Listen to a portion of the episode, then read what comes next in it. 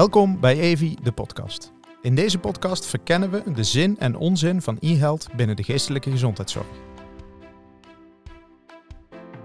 In 2016 kregen wij nog 1300 telefoontjes per week binnen uh, via de assistenten. Uh, en dat zijn er nu nog ongeveer 850. Terwijl in de tussentijd de hoeveelheid telefoontjes gemiddeld bij huispraktijk duidelijk gestegen is in Nederland.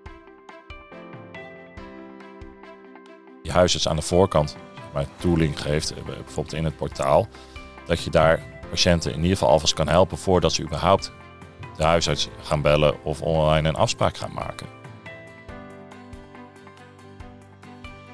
Dus ik weet ook wel waar mijn grens ongeveer ligt. Dat wil niet zeggen dat je niet af en toe over je grens wat heen gaat, maar wel er bewust van zijn.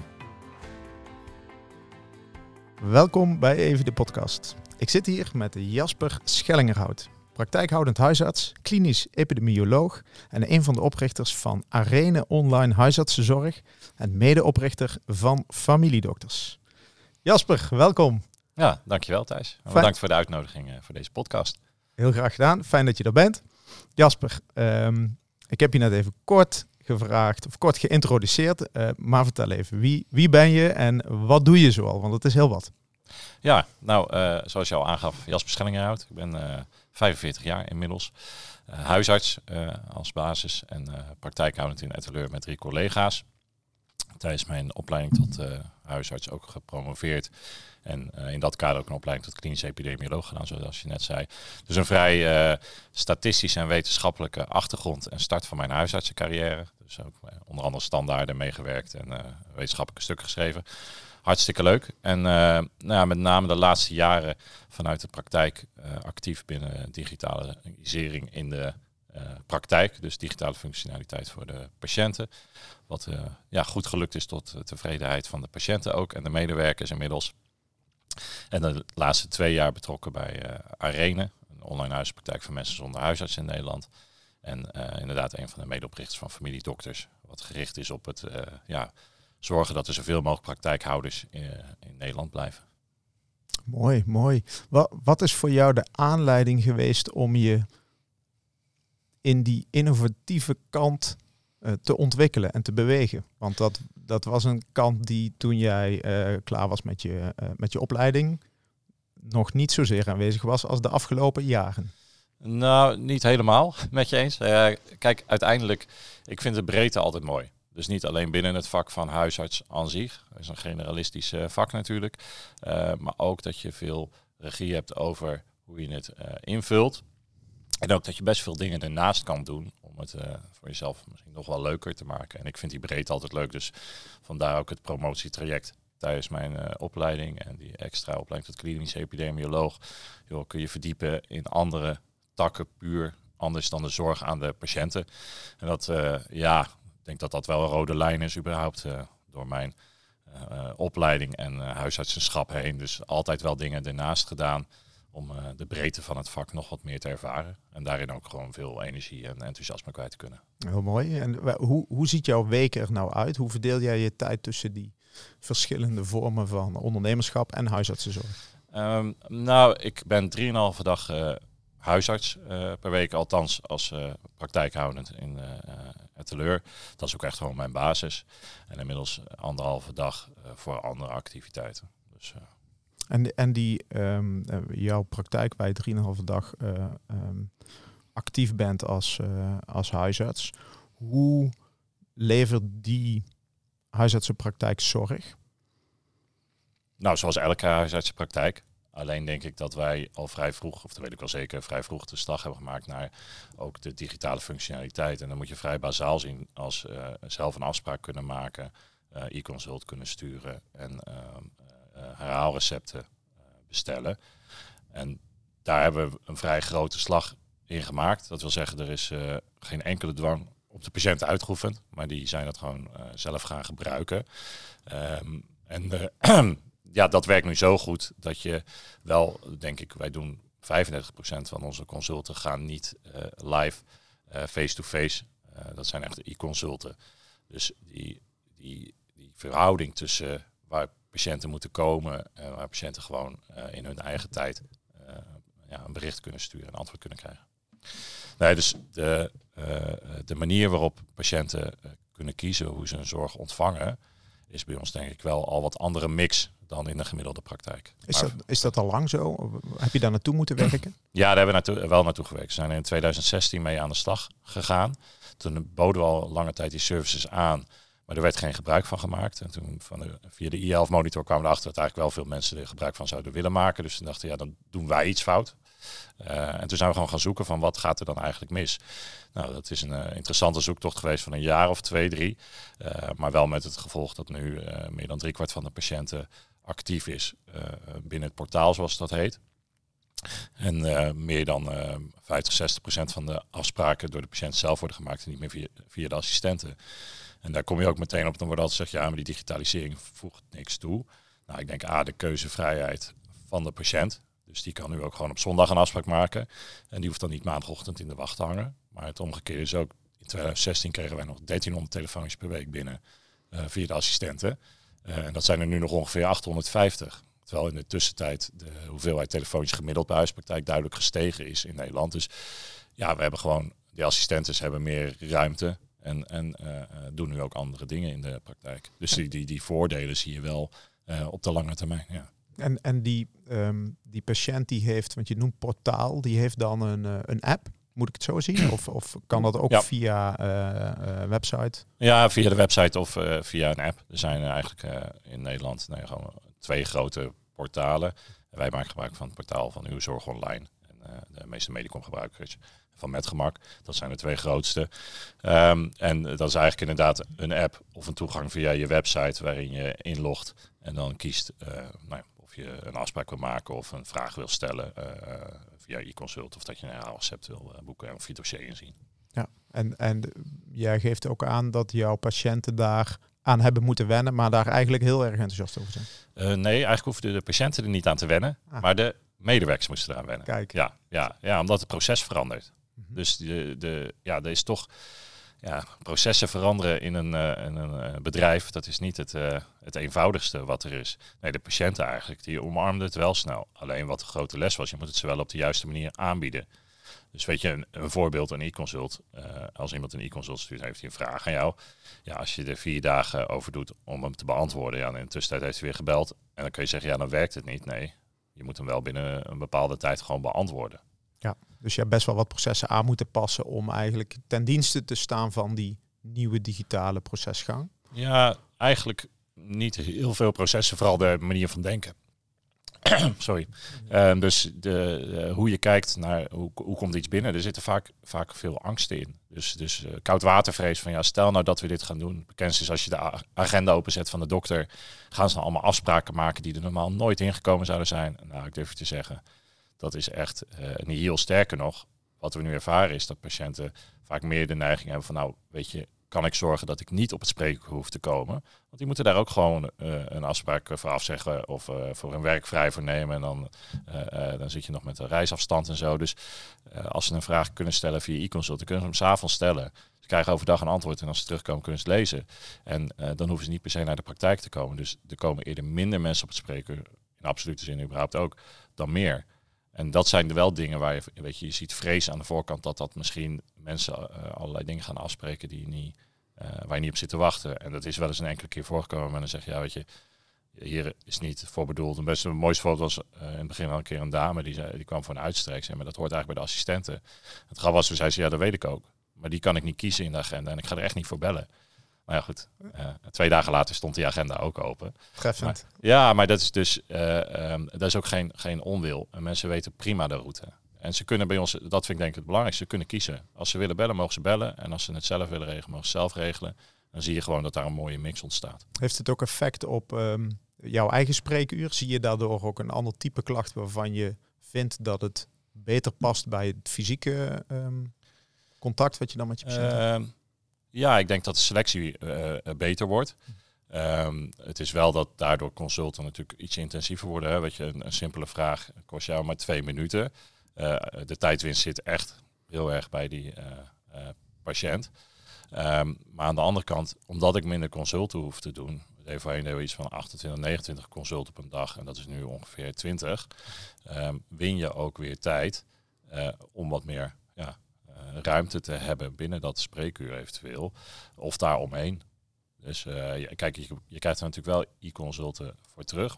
Die zijn gemiddeld een minuut of drie, vier wel beantwoord per stuk. Ja, en in plaats van een 10 minuten consult win je daar dan toch nog steeds diezelfde hoeveelheid tijd mee. Ja. Hoe, hoe ehm, ehm, kijk jij naar digitale um, assistentie binnen jouw behandelproces? We hebben ook voorbeelden van uh, e-health waarin, en dan met name in de GGZ, eh, waarin e-health applicaties ondersteunend zijn in het behandelproces. Doe je daar ook iets mee? Ja, daar doen wij binnen de praktijk ook wat mee. Um, ik denk dat de toevoeging überhaupt van, van digitale functionaliteit uh, is dat je het proces daarmee kunt veranderen en ook de keuzevrijheid van de patiënt uh, ja, kunt vergroten. Dus er is ook niet, je vroeg net naar mijn spreekuur, maar mijn spreekuur wordt ook grotendeels bevolkt door de mensen die ervoor kiezen om niet digitale uh, functionaliteit te gebruiken. Want die, die blijven in de oorspronkelijke route zitten. En dat is ook prima. Weet je, uh, mensen voelen zich daar comfortabel bij. Nou, dan zijn ze welkom, maar ik heb nu wel de ruimte om dat ook gewoon uh, mogelijk te maken. En bij digitale functionaliteit moet het iets toevoegen. Ik denk zowel voor de zorgverlener als voor de patiënt. Want anders is een van de twee gaat het niet goed gebruiken. Um, en het kan het proces veranderen. En zeker ook bij psychologische zorg zijn vaak toch trajecten, niet enkelvoudige vragen, waarin je ja, bijvoorbeeld uh, bij een psycholoog komt en dan anders uh, twee weken later weer terecht kunt.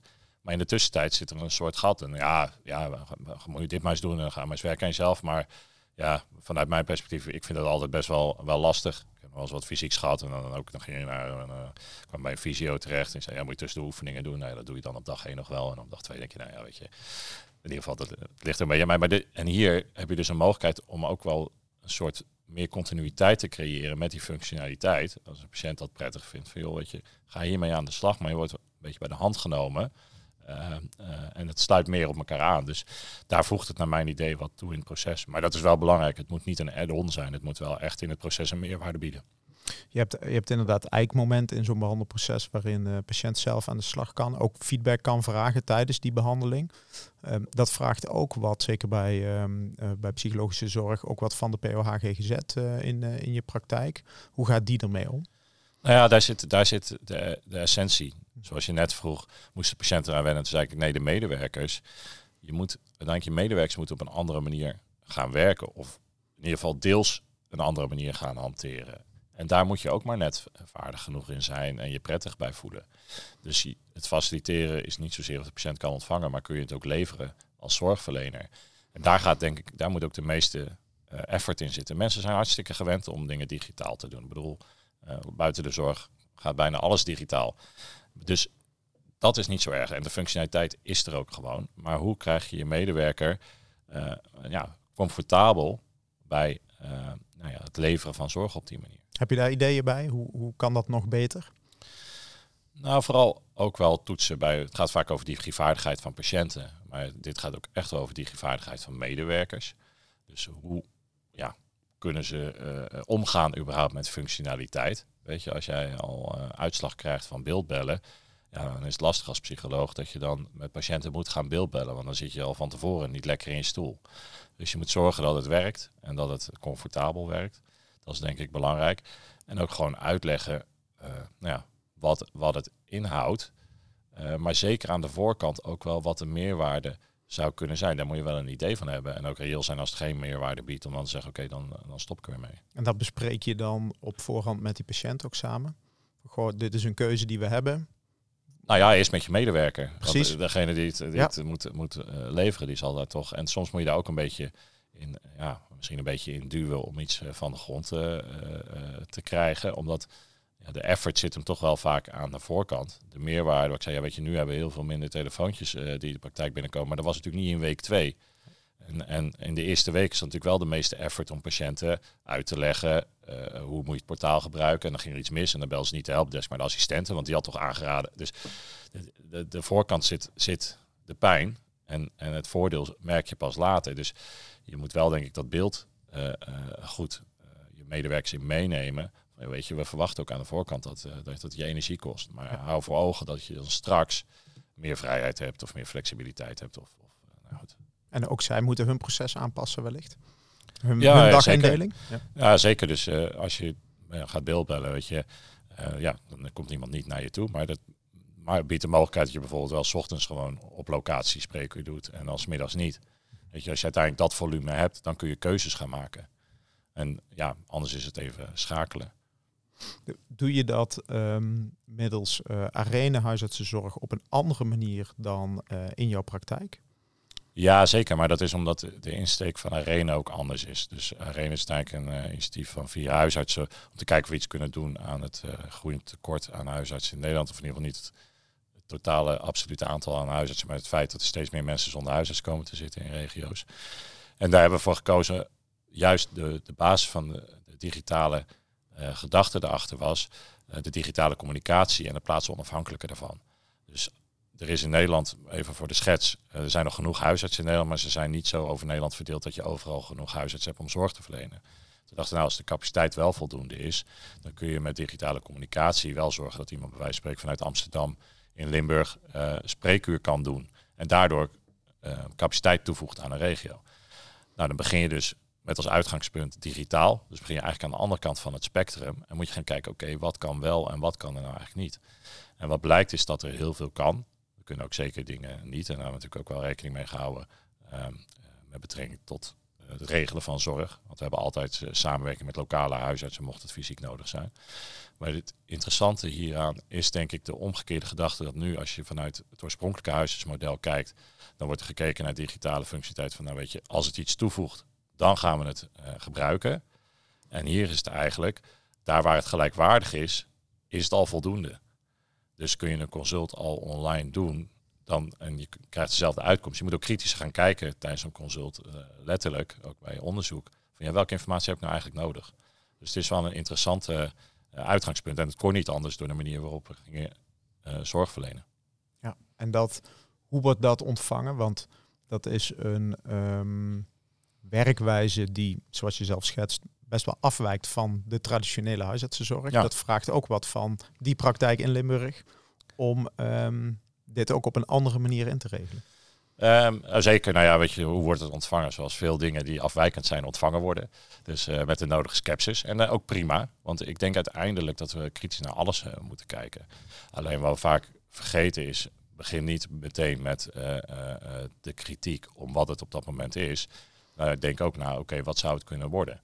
En de praktijk in Limburg, om die aan te halen, die hoeft niet heel veel anders te doen. Alleen wat hij eh, qua afspraak krijgt, is dat hij af en toe een patiënt ziet die officieel niet bij hun ingeschreven staat. En, ehm, maar als wij er niet zijn, gebeurt dat ook. Want je begrijpt, als er duizend mensen in jouw dorp zitten zonder huisarts, ja, die hebben wel zorg nodig. Dus die gaan ergens naartoe.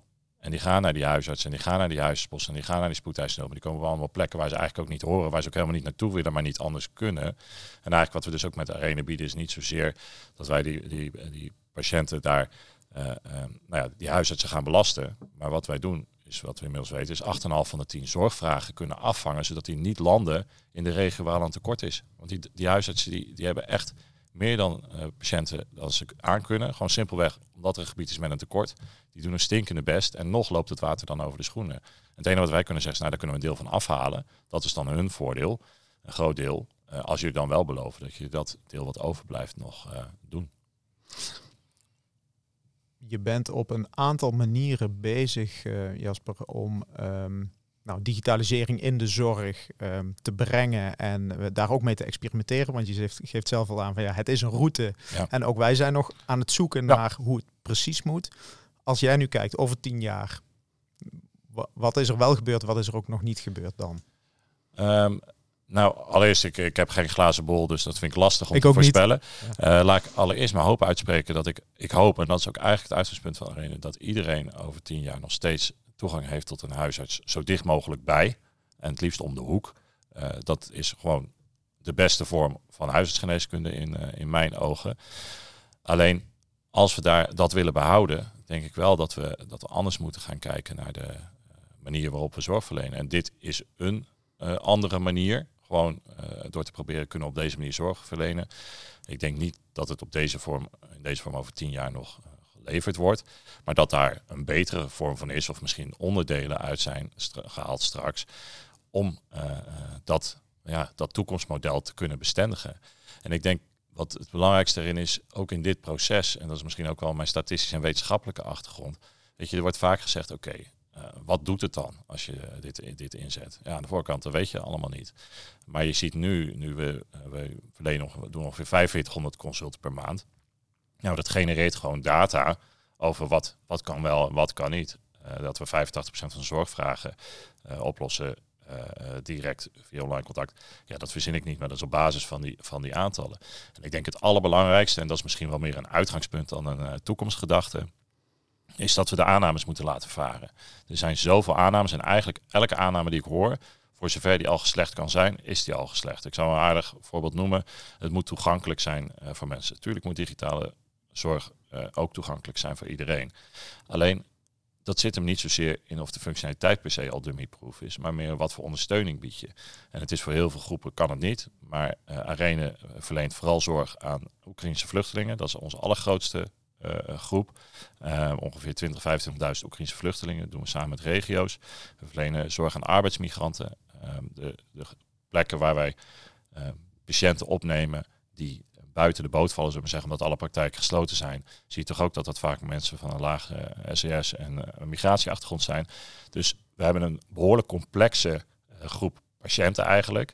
En daarbinnen lukt het toch om die zorg eh, te organiseren, maar wel door goede samenwerking. En ik denk dat dat ook een crux is. Dus laat die aannames gaan en ga samenwerken. Want in, in je eentje kun je een probleem niet oplossen. Dit draait echt wel om samenwerking. Duidelijk. Als we um, even de stap maken naar mentale gezondheid. Um, dat is ook een, um, een belangrijk aspect van, van de huisartsenzorg. Hoe kijk jij naar de rol van preventie op dat vlak vanuit de huisartsenzorg? Ja, ik weet niet of preventie altijd huisartsenzorg moet zijn. We vinden altijd alles uh, uh, tegenwoordig is, is huisartsenzorg. Maar ik weet niet of preventie niet gewoon nul de lijns uh, moet zijn, dus voor de huisarts. Zou zomaar kunnen. Ja, en ik denk dat dat, dat wel kan. Maar ook daar weer, hoe, hoe, geef je het vorm? Weet je nu allemaal, oh, de, optie die we kennen is de huisarts. Ja, ik weet niet of dat per se zo moet zijn. ik, ik denk dat juist wat een van de mogelijkheden is, even ook los van de psychische zorgverlening, is dat we met functionaliteit, als je die, die huisarts aan de voorkant maar, tooling geeft, eh, bijvoorbeeld in het portaal, dat je daar patiënten in ieder geval alvast kan helpen voordat ze überhaupt de huisarts gaan bellen of online een afspraak gaan maken. En uh, daar, daar kun je natuurlijk wel functionaliteiten inbouwen. Dan krijg je een soort uh, ja, plein voor de, voordat het bij de dokter komt. Dus daar zie ik wel een mogelijkheid. Maar het, het moet niet. het kan wel zijn dat het bij de huisarts gesitueerd wordt. Het lijkt me niet de taak van huis per se om die preventie vorm te geven of uh, ja, uh, te zorgen dat dat draaiend blijft. Dat is ook iets waar we um, domeinoverstijgende samenwerking voor nodig hebben. Huisarts is daar denk ik wel een, um, een sterke meerwaarde in, hè, om daar in ieder geval ook over, over mee te denken. Um, wat zouden andere domeinen beter kunnen doen om of te voorkomen dat er instroom is in de zorg, in de huisartsenzorg, of juist um, nou, als het ware een van de huisartsenzorg beter aan te sluiten. Zie je daar nog mogelijkheden in? Nou, er zijn natuurlijk twee kanten aan psychische zorg bij een huisarts. Dat van wat van een huisarts naar uh, de GGZ gaat, om het maar even plat te zeggen. En dat wat vanaf thuis naar de huisarts komt. Nou, aan beide kanten liggen denk ik mogelijkheden. Het eerste is meer het sociaal domein, denk ik, dan het gezondheidszorgdomein. Um, en tweede, en dat is natuurlijk waar we als huisarts de laatste jaren heel veel last van hebben, is dat ook mensen die we eigenlijk uh, onderbrengen in de GGZ of willen onderbrengen in de GGZ, heel lang nog bij ons in zorg blijven. Met gerust 12 of 18 maanden wachttijd. En om vervolgens ook nog een bericht te krijgen dat het toch niet gaat en dat er weer opnieuw naar een wachtlijst moet. En dat, dat verstoppende uh, effect. Er is natuurlijk al heel veel teruggekomen van de GGZ naar de huisartsenpraktijken, wat we onder andere met POH's GGZ hebben opgelost. Maar dat, dat verstoppende effect, daar hebben we heel veel last van. En het, het is toch wel ook gek voor een huisarts, vanuit mijn perspectief. Als ik nu iemand heb met hevige buikpijn, dan bel ik de chirurg. En die kijkt of vandaag of, uh, of morgen.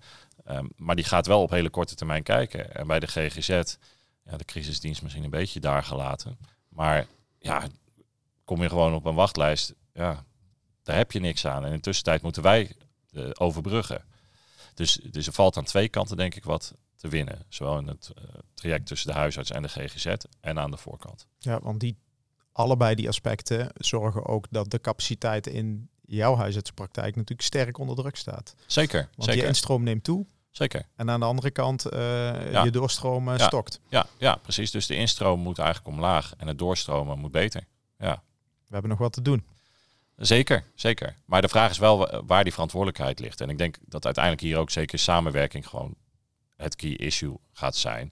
En natuurlijk heb ik ook liever dat een ander het oplost. Maar uiteindelijk, wij zijn dan toch ook wel de experts in wie zijn dan die patiëntengroepen. Ik heb wel gesprek gehad met de mensen van de uh, SGGZ die dat organiseren. En je ziet gewoon, die kijken anders naar die patiëntengroepen dan dat wij doen, omdat die een andere selectie krijgen. Dus die denken daar heel anders over.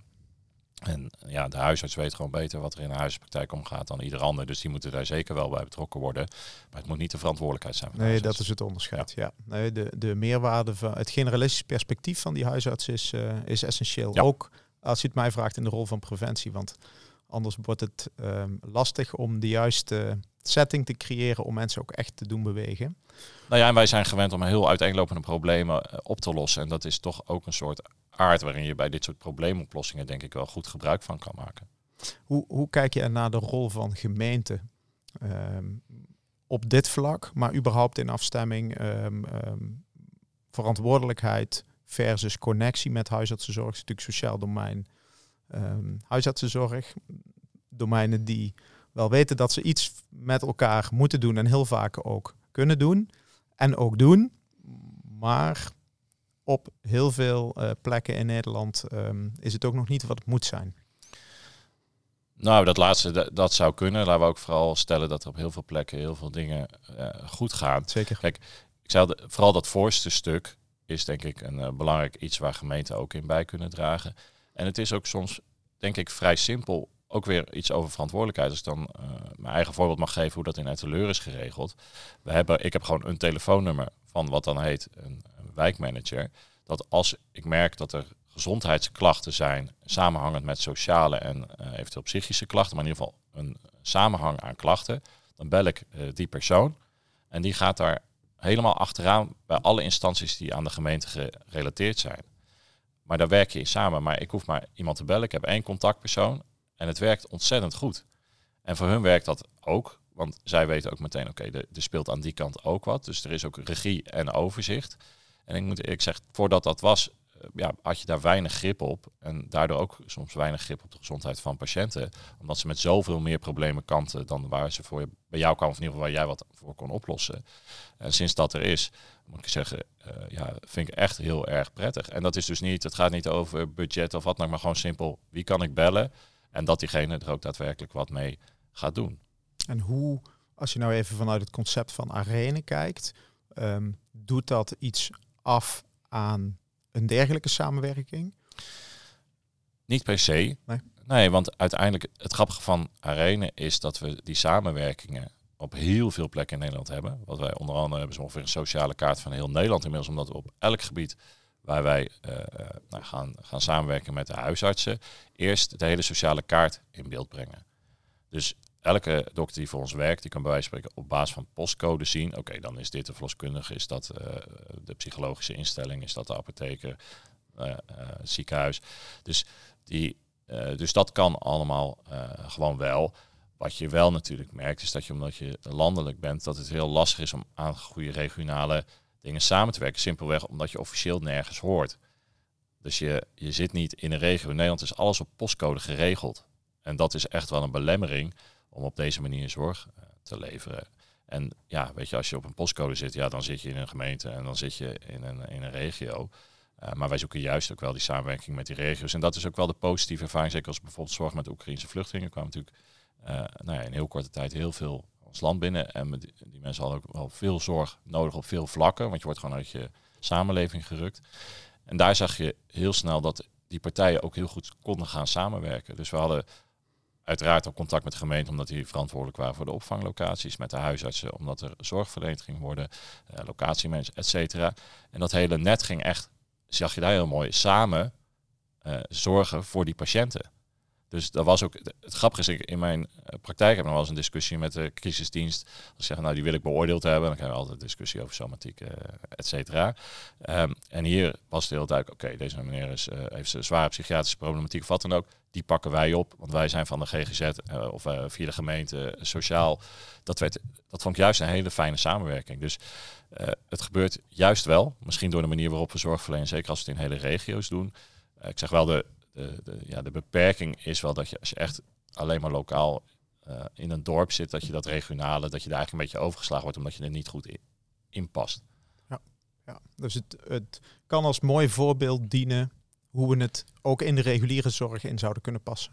Ja, ik, ik denk zeker. Ik denk dat als je, uh, wat wij natuurlijk als uitgangspunt hebben, is dat het landelijk kan, dat juist die grotere schaal heel veel kennis ook weer brengt over hoe zou je het in de toekomst kunnen doen wat ik net zei, al blijven er maar drie uh, onderdelen van Arena over waar, die een meerwaarde blijken te zijn. Of die hebben gezorgd dat wij over een paar jaar op die manier zorg kunnen verlenen.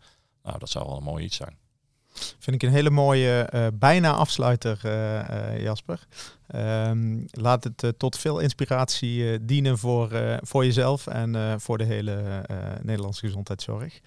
Um, ik heb nog een paar, ja nu gaat het persoonlijk worden. Oh, ik heb nog een paar... Dan heb ik even een slokje water. ik heb nog een paar stellingen voor je. Uh, want ik ben ook wel heel erg benieuwd uh, uh, hoe het met jouw gezondheid en ook hoe, je, hoe het met jouw mentale gezondheid gaat. Um, de eerste, je mag hem toelichten als je dat wil. Ik sport minstens twee keer per week. Nee. Nee. dus, als je het over wishful thinking hebt. Nee, nee. Ik sta heel snel twee keer per week op het veld. Maar dat is meer om mijn do dochter te coachen en de omstandigheden door ook te trainen. nee, in, in, fases red ik dat drie keer per week wel. Maar in fases. In fases. Dat is samenhang met uh, andere activiteiten. Ja, snap ja. ik, snap ik. Nou, goed. Stijgende lijn. Precies. Wie, wie precies. weet, wie weet. Um, de volgende stelling. Ik blijf veerkrachtig in moeilijke tijden. Goh, ik denk, ik, ik denk dat nou, op de vorige vraag terug te komen. Ik, ik kan redelijk goed uh, selecteren. Dus ik, ik heb redelijk grip. Van uh, natuurlijk vrij gestructureerd. Dus redelijk grip op mijn indeling. Dus ik weet ook wel waar mijn grens ongeveer ligt. Dat wil niet zeggen dat je niet af en toe over je grens wat heen gaat, maar wel er bewust van zijn. Dus of ik veerkrachtig ben, dat weet ik niet. Ik denk dat ik redelijk controle heb over wat wel kan en wat niet kan. En daar op die manier, zeker als je veel dingen naast elkaar doet, moet je daar wel uh, goed in blijven schakelen, anders dan gaat het niet goed komen. Je kunt bijsturen op het moment dat je voelt. Hey, ik ben heel goed in nee zeggen ook. Dat ja. is uh, een hele mooie eigenschap. Een hele mooie eigenschap. De derde. Ik neem de tijd om nieuwe vaardigheden te ontwikkelen. Ik denk het wel. Ik probeer vooral nieuwe dingen uit. Dus nou ja, zoals Arena, weet je, dat is, ik vind het fantastisch. Want ik noem het toch een soort speeltuin. Het is een hele serieuze speeltuin. Maar wel leuk om gewoon nieuwe dingen te proberen. En ik uh, schuw het niet om inderdaad nou, veel effort in te steken om erachter te komen dat het misschien iets niet werkt. Maar uh, juist haak ik dan aan van de dingen die wel lukken. Mooi, mooi. De laatste. Ik eet bewust gezond. Als mijn vrouw daarop let wel. Kijk. Ik heb toevallig nog... Uh, nee, uh, we houden wel, wel rekening mee. Maar het kan altijd beter. Dat kan altijd. Maar goed, samen, samen komen jullie ja. wel. Jasper, ik wil jou heel erg bedanken voor, uh, voor je komst en uh, voor je wijsheden. Het was een interessant gesprek. Graag gedaan. En um, een hele fijne terugreis. Ja, en bedankt voor de uitnodiging nogmaals. Dankjewel. Dank voor het luisteren naar Evi de podcast.